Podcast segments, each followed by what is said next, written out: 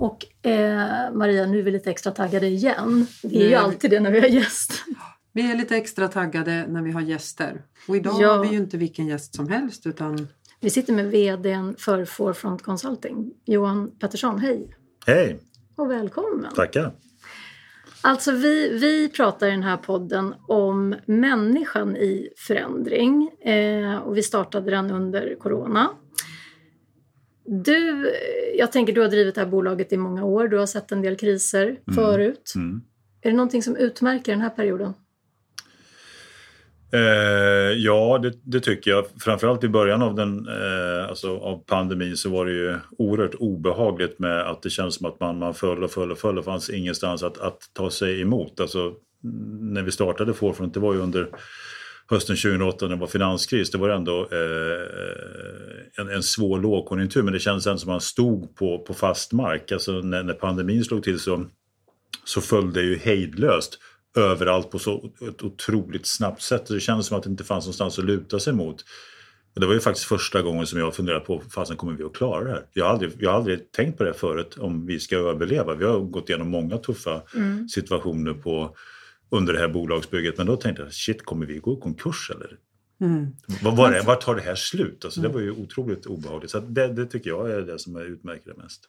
Kan inte du berätta lite kort vad, vad ni gör för, för de lyssnare som inte kände till Forefront? Yes, ja, men vi är ju en verksamhets och IT-konsultbolag med 400 anställda och jobbar med digitalisering hos eh, många av eh, Sveriges stora företag. Och vår, vår primära verksamhet rör sig inom bank, finans och försäkring och, och retail. eh, Men, men många andra branscher som ligger eh, inom ramen för svenskt näringsliv. Eh, vi finns på sex orter runt om i hela Sverige. Men vi är primärt ett, ett svenskt och nordiskt bolag. Mm. Men det som, var, det, det som har varit lite kännetecken för den här pandemin det är ju det här just sårbarheten när man har konsulter uthyrda. Mm. Har det påverkat er? Blev det så att många konsulter blev uppsagda?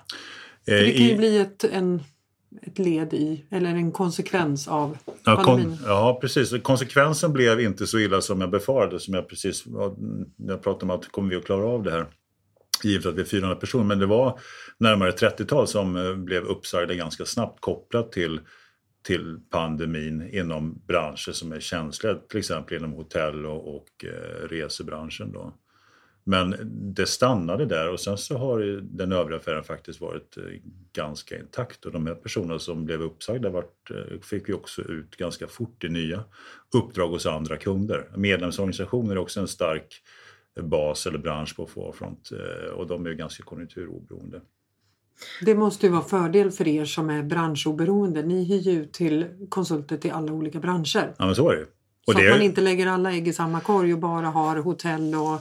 Det hade, varit, det hade varit jobbigt om vi hade, Det hade haft, haft det perspektivet. Men jag tror att det det är en sån fråga som vi har diskuterat under många gånger. Vi har alltid haft ett fokus på att bygga en, en bra kundportfölj på Forfund, så att inte lägga alla ägg i samma portfölj. Men det har ju varit många strategiska diskussioner där vi har diskuterat, ska vi inte gå in mycket, mycket djupare mot en specifik bransch, så att vi blir specialister inom funktionella områden inom vissa branscher. Eh, men det är klart, det har vi alltid stretat emot därför att vi har velat haft det här perspektivet där vi är ganska breda och det har ju sina för och nackdelar. Men i det här perspektivet så har det varit en, en stark, stark fördel. Eh, Många ledare som jag träffar tycker att det är en ganska stor utmaning att nå ut till medarbetare.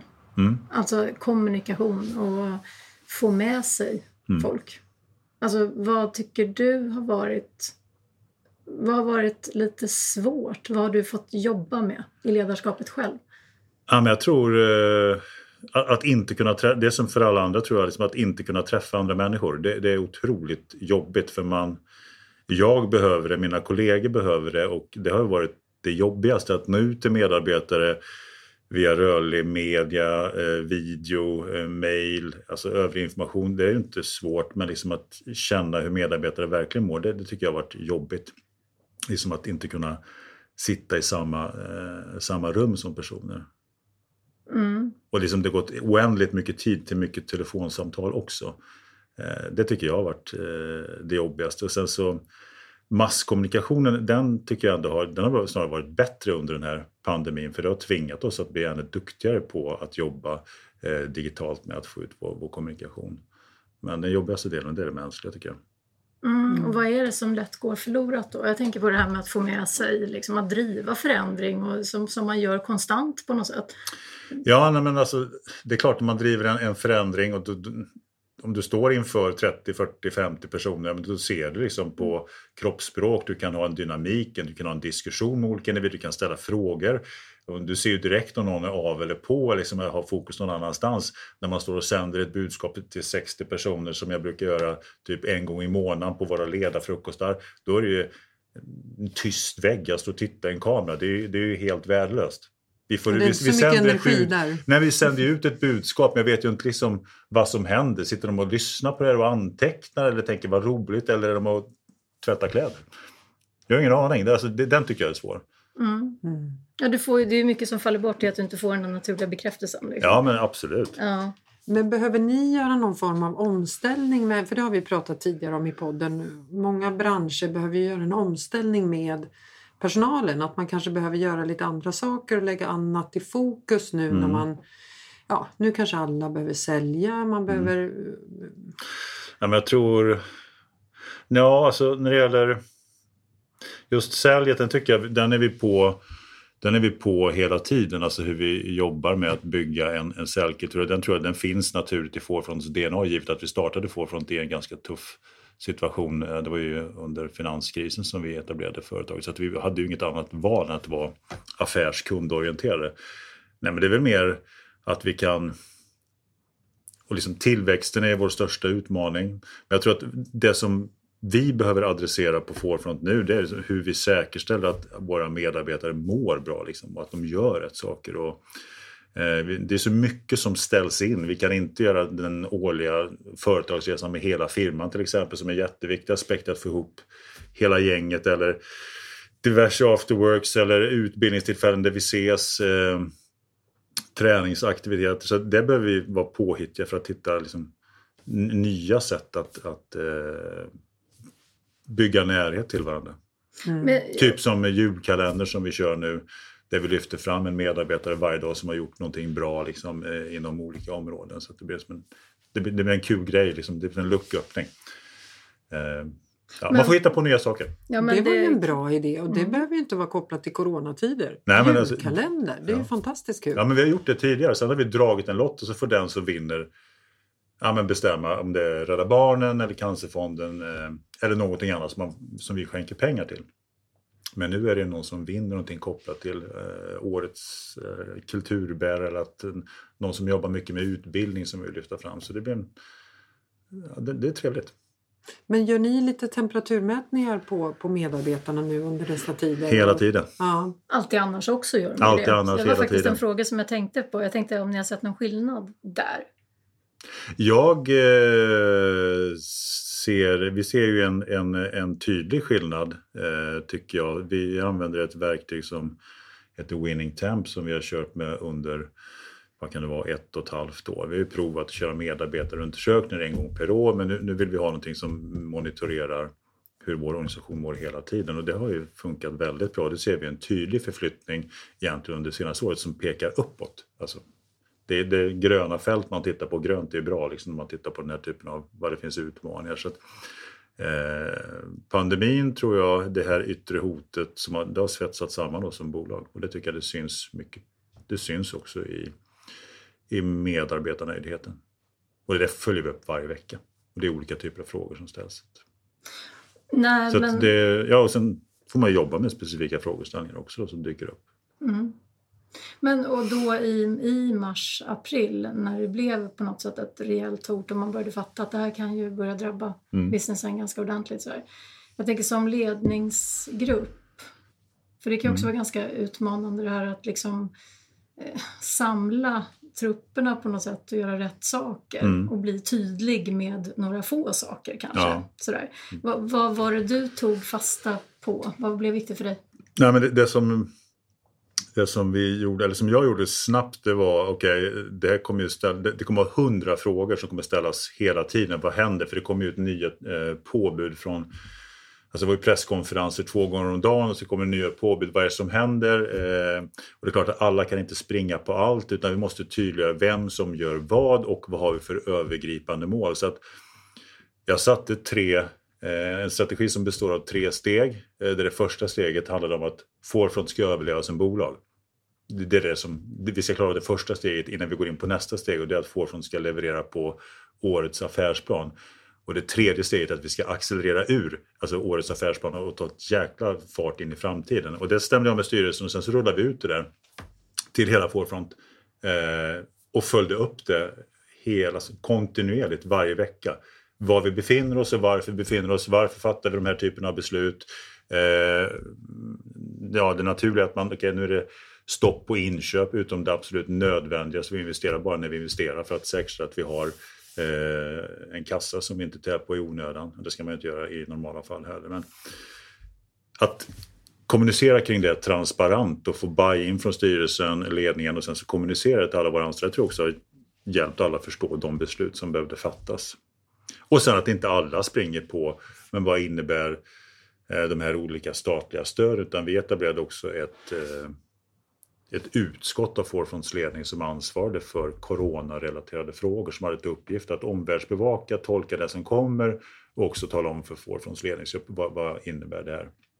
Som leddes av vår HR-chef där jag också själv var med då. Liksom och, så att ni som inte fokar på det, ni fokar på det här. Och hela, he, hela, absolut, mm. och hela, eh, hela Forefront satte ju fokus på det externa, det vill säga eh, våra kunder och göra fler affärer. Det var väldigt lite navelskåderi. Ja, det, är... Utan det var hela affären, 400 man var ju fokuserade på våra ja, kunder. Det är vägen för att överleva. Så att... Absolut. Mm. Mm. Så att, ja. Så det var, men det var, och du menar att det var för jag tänker många som jag pratar med säger det där att eh, mycket som hade kanske tagit fem år att utveckla mm. har man utvecklat på sex månader. Ja, ja men det ligger mycket där. Det blir ett superfokus. Vi införde ett PMO som vi inte har haft tidigare. Så ett, ett projektkontor. För att är man inte ute hos kund så jobbar man och till och med får, för ett, får från ett projektkontor och jobba med affärer eh, eller motsvarande saker som tar oss framåt som förut. Man sitter inte och och väntar. Och väntar på att det ska hända något kul. Utan man, man kliver in och så kör någonting annat. Så det är ju saker som är här för att stanna. Så att mycket av det som vi har funderat på det har vi verkligen fått Just det. fokus och fart på. Så det är ju faktiskt många fördelar om man ser det från den synvinkeln. Absolut. Så har vi ju tagit så otroligt många år kliv fram så att verkligen. säga. Verkligen. Och för oss som, det, det, jag mm. tycker nog att det är den roligaste. Om man bortser från allt lidande så har ju det här varit en fruktansvärt eh, utmanande men också utvecklande och rolig tid. För vi har satt ihop, eh, Forefronts ledningsgrupp har ju aldrig varit eh, mer samstämmiga kring de förändringar eh, och, och, vägen framåt. Så det, det, man får ju en enorm energi. Ja, bortsett från att man inte då ses då som du tycker är lite ja, men, vi, ja, ja, men så, Den är utmaningen. Liksom, men, men nu, jag har ju ändå under resan haft eh, luncher med, med ledningen Eh, och i början så var det ju just för att vi ska ses vid ett par tillfällen, inte hela tiden naturligtvis, men åtminstone någon gång i veckan. Och det har varit ganska glest på krogarna eh, runt här i Stockholm så man har ju kunnat sitta ganska stort gäng och vi är åtta personer i ledningen där vi har samma, alltså, suttit och diskuterat saker. Inte specifikt affärsorienterade saker utan mer hur, vi, hur livet är i stort och det har ju varit en, en eh, tror jag varit en, en, en, vinnare faktiskt. Inte bara för uh, Inte för restaurangen bara. Men... Exakt, Nej, men alltså, vi har kommit varandra men... lite närmare.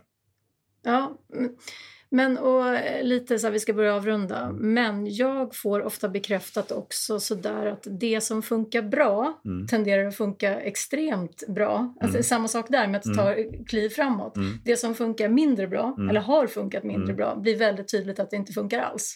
Så det blir också snabbare till beslut, tänker jag. Kan du bekräfta det? Kan du se det? Det kan komma till med ledarskap eller ja. Affärer som, som är bra affärer, hållbara affärer. Mm. Och det som... Nej, men jag, jag tror...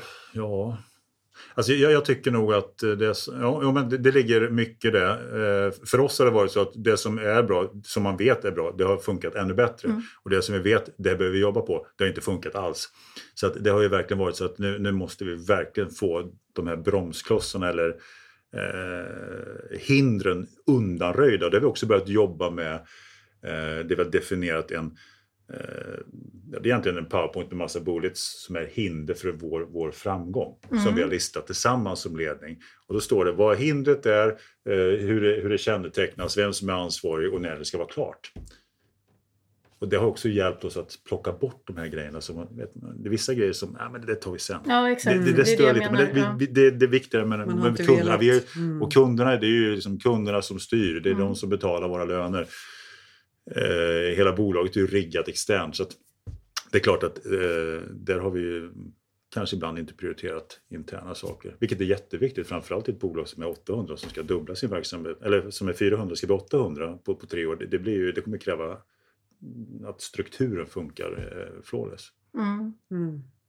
Så Mm. definitivt så. Saker som jag tyckt varit ganska tråkiga faktiskt om jag ska vara ärlig. som handlar om intern Mm. struktur, eh, administration och sånt där som jag hade ganska svaga betyg på när jag gick i, på gymnasiet. Det, det har vi fått Tråkigt men fokus också på. viktigt. Ja men absolut, ja, men det, det, det, det, är ju, det Mm. märker man också när det skalar. Vi går in och vi tar också större och större eh, ansvar och projekt hos våra kunder. Då måste de här grundläggande funktionerna faktiskt fungera. För att det Mm. är verkligen, annars så fastnar vi på, på basics. När vi gör svåra saker hos kunderna men vi fastnar på basics. Inte Mm, det, mm. det går inte. Så att det har vi undanröjt och städat ganska mycket. Mm. Ja, men bra. Gud, tack så hemskt mycket Johan. Jag är jätteglad att vi får prata med dig. Ja, Jättekul jag vill prata mer. Ja. jag. Det, Ja. Vi har bara börjat. Kan vi Precis. komma tillbaka Det kan om några Kommer veckor? Det kan när det här har lagt sig. Stort tack Johan. Tack själva.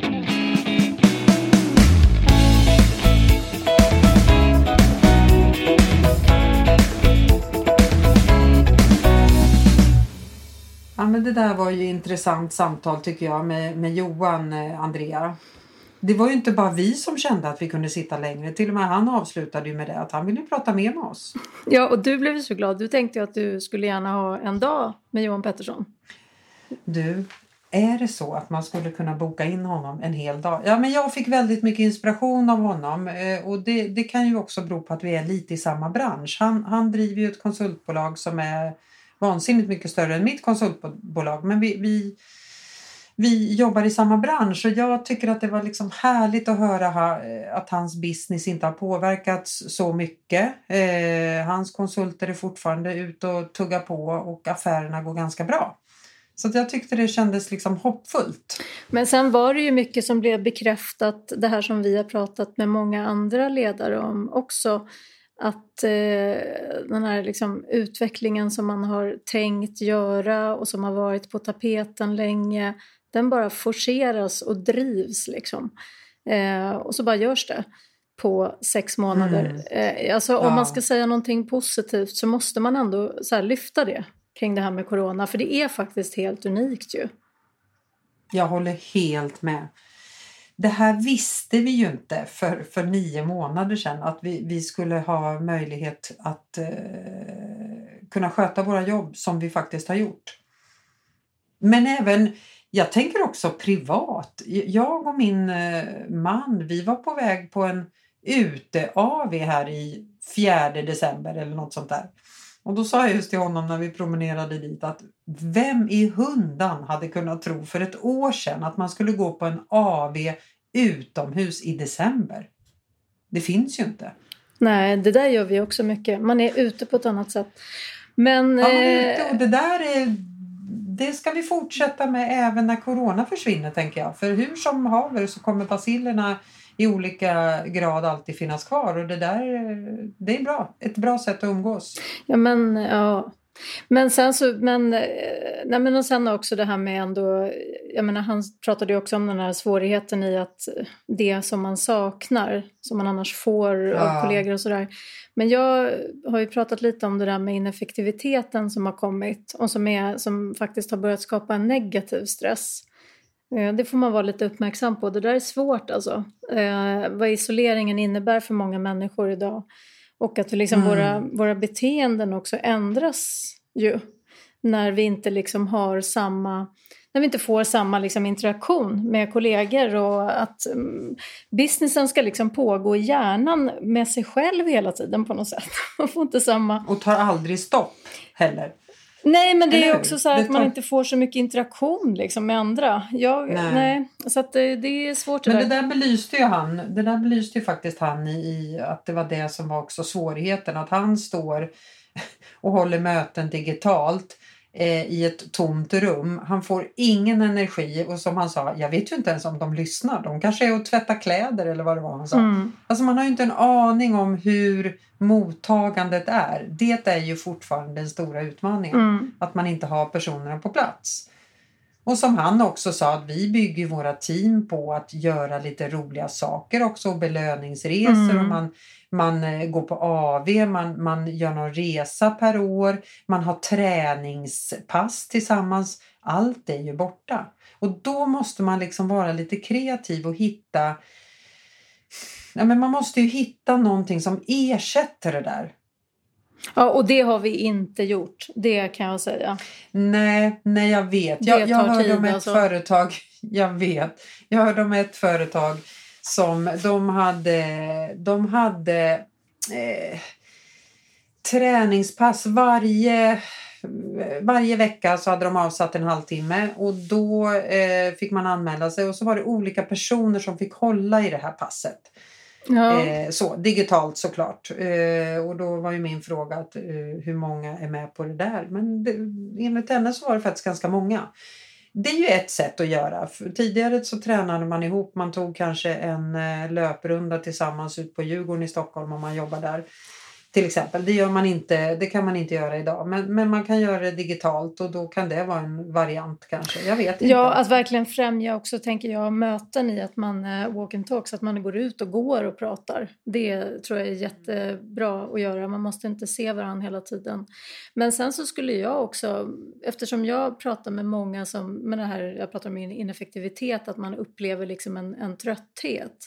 Den är ju så alltså trötthet upplever ju många ganska hotfullt också eftersom vi är så aktivitetsstyrda. Alltså idag så blir det som att när man inte liksom orkar hålla uppe tempot så blir det väldigt förknippat med nedstämdhet. Alltså att vi inte mår något bra. Medan liksom, jag skulle vilja ja, men just synliggöra det här att liksom det, det, är inte heller ett likhetstecken mellan liksom trötthet och att man mår dåligt, alltså nedstämdhet. Alltså vi, vi kan också vara bara trötta. Alltså den här, den här ja. epidemin och, och, det vi, alltså det här som, att vi inte liksom blir så engagerade av kollegor att man ska sitta och driva sig själv liksom hemma hela tiden då som många lider av. Det skapar ju en trötthet, så det är det många som upplever. Och, och då vill jag säga det att man behöver inte förknippa det med att man är låg eller nedstämd för vi får också bara vara trötta. Förstår du vad jag menar? Ja, det är ju, liksom, det är ju inte bara corona utan det är ju ganska mörkt ute. Det är extremt vi, vi mörkt är ute. Ju, alltså, ska man, men jag, jag hävdar, och jag pratade om det förra avsnittet, fort, så, jag, jag vill ju hävda det där med ut och promenera. Att det är, försök fånga dagsljuset, även om det är ganska svårt. Det är ju inte många timmar. Men du kanske kan eh, sleva i dig lunchen vid, vid skärmen och sen eh, avsätta en halvtimme och gå ut och gå på lunchen för att få dagsljuset och också få lite steg i eh, vi hade faktiskt, vi på Insight Competence, vi startade en eh, stegtävling för våra konsulter. Där ser man. Eh, du, det kan jag faktiskt varmt eh, rekommendera. För jäklar vad folk började gå. Och jag då som är lite tävlingsmänniska, jag sa att vi, vi, vi som är liksom anställda på Insight Competence, vi ska såklart också vara med men vi vinner inte det här fina priset utan vi får stå, stå tillbaka. Men vi ska självklart vara med i tävlingen och är det tävling då, då blir jag jäkligt het alltså. Nej men alltså jag gick så mycket så att jag har ju fått en inflammation i foten. Men Maria, alltså det här så, är så typiskt också. Ja. Då, nu vet ja. man att du inte har, har liksom kunnat utveckla liksom businessen riktigt. Vi satt ju för två veckor sedan där du är så här, businessen går bra och, och sådär, men då blir ju du rastlös för att, för att det går bra. Ja. Vad ska jag liksom ta tag i då? Nej, men det, det, här är mera, det här är mera min tävlingsgen ja. som kommer in. Du, våra konsult, jag låg i lä. Alltså våra konsulter, de gick eh, ja, 25-27 000 steg per dag. Vet du hur mycket det är Andrea? Ja, det är jättebra. Alltså jag går jättemycket tycker jag och gick 15 till 20 000 och fick verkligen anstränga mig. Men jag kom på sjunde plats. Alltså jag var långt, långt ner. Så att äh, jag, jag fortsätter att slå ett slag. Man behöver inte gå så att man får en inflammation. Men, men äh, promenera. Det är inte dumt. Nej, det är jättebra. Och under tiden, det är inte liksom, jag tar ju många möten, eh, både liksom jobbmöten men eh, kan man också passa på att ringa privata samtal och få, det går att vara effektiv medan man går så man behöver inte tappa fart menar jag. Mm. Utan du kan faktiskt göra en hel del saker per telefon och gåendes. Mm. Så att det, ja, jag tänker så här, kan det vara ett litet tips? Ja men sätt igång en stegtävling. Men det är, jätte... Är inte det bra? Ja, det är bra. För att få, eh, få medarbetarna ut och röra på sig. Alla, det, det är väl inte bara jag som gillar tävlingar. Det är väl många som gör. Och jag tipsar i att man inte behöver bli skrämd av att man känner sig trött. Man behöver inte tro att man Nej. håller på att bli deprimerad eller att man är liksom utmattad. Eller, eh, för att det är faktiskt så att man får vara trött. Och det är ganska tråkigt ganska mycket just nu också. Ganska många jag träffar och pratar med är ju ostimulerade. Ja. Vad gör det med oss att de- vara och jobb, ostimulerad? eller? ja, men absolut. Men att vara Mm, liksom mm. ostimulerad av att vi, vi ska liksom driva oss själva hela tiden men vi får inte så mycket input. Varken kanske i privatlivet eller... Det är ju lite så här våt filt över Sverige just nu. Alltså jag kan ju känna att mycket saker som man liksom ändå kan göra har jag inte riktigt engagemanget att göra. Och det, och det, det är ju känner jag liksom här, ja. att, att jag är lite oengagerad. Och det, alltså i att, och det är på något sätt någon form av latent trötthet, känner jag. Men du, då kan vi också glädjas med att snart går vi mot ljusare tider. Ja, Vi har, många av oss har ju, nu gillar ju inte du att vara ledig, men, men många av oss gillar ju att vara lediga. vi. Vi har liksom, vi har en julledighet. Eh, vi har ju faktiskt en julledighet framför oss där man får förhoppningsvis vila och tanka på ny energi. Mm. Och sen så när vi kommer tillbaka så kommer vi ju på rätt sida av året. Ja, det, här, nu, det vi har genomgått nu, oktober, november, december, det är ju den värsta perioden. Ja. Vi ska ta och avrunda, Maria. Vad heter det? Ja. Får jag bara säga en sak? Jag, jag läste en, en eh, rolig eh, sak häromdagen och då stod det så här att, eh, att bo i Sverige det är ungefär som att bo i ett kylskåp där lampan har gått sönder. Och vad, Det är lite så. det är sant. Det är mörkt och kallt. Och lite kallt liksom. Ja. Nej men eh, så att eh, jag tror så här. Vi får kämpa på. Vi, vi tar ett, vi, det är inte bara jobbmässigt. Alltså vi tar ju ett eh, litet juluppehåll uppehåll för den här podden också Andrea. Eller hur? Ja, precis. Vi är tillbaka 11 januari. Eh, och du, har du tur, nu kom jag på, har du tur, då får du liksom i julklapp av mig så får du en dag med Johan Pettersson. Nej, jag skämtar, vad det blir fan skitdyrt. Det har jag inte råd med. Gud. Nej, det har jag inte råd med, Maria. Det vore en... Be- Nej men alltså har man sagt eh, det ena så får man... Ja, det vore den bästa julklappen Ja, jag kunde få. Jag kanske köper dig ett par timmar. Jag ska prata med honom. Ja, Vi ser var det landar. prata med honom. Ja men faktiskt, tips, tips till alla där ute. Alltså umgås med dem ni får energi av och lär er något ifrån. Det tror jag på Yes. faktiskt. God jul också då. Till alla. Ja men alltså tack för alla som har lyssnat den här terminen och på återseende och återhörande nästa år helt enkelt. Ja. Och gott nytt år. Ja, god jul och gott nytt år till alla. We wish you a Merry Christmas. We wish you a Merry Christmas. We wish you a Merry Christmas and a Happy New Year. Now bring us a figgy pudding. Now bring pudding. No, figgy pudding. It's made with figs. Oh, sorry. And bacon. What? We wish you a Merry Christmas. We wish you a Merry Christmas. We wish you a Merry Christmas and a Happy New Year. We won't go until we get some. We won't go until we get some. We won't go until we get some. So bring some out here. We wish you a Merry Christmas. We wish you a Merry Christmas. We wish you a Merry Christmas.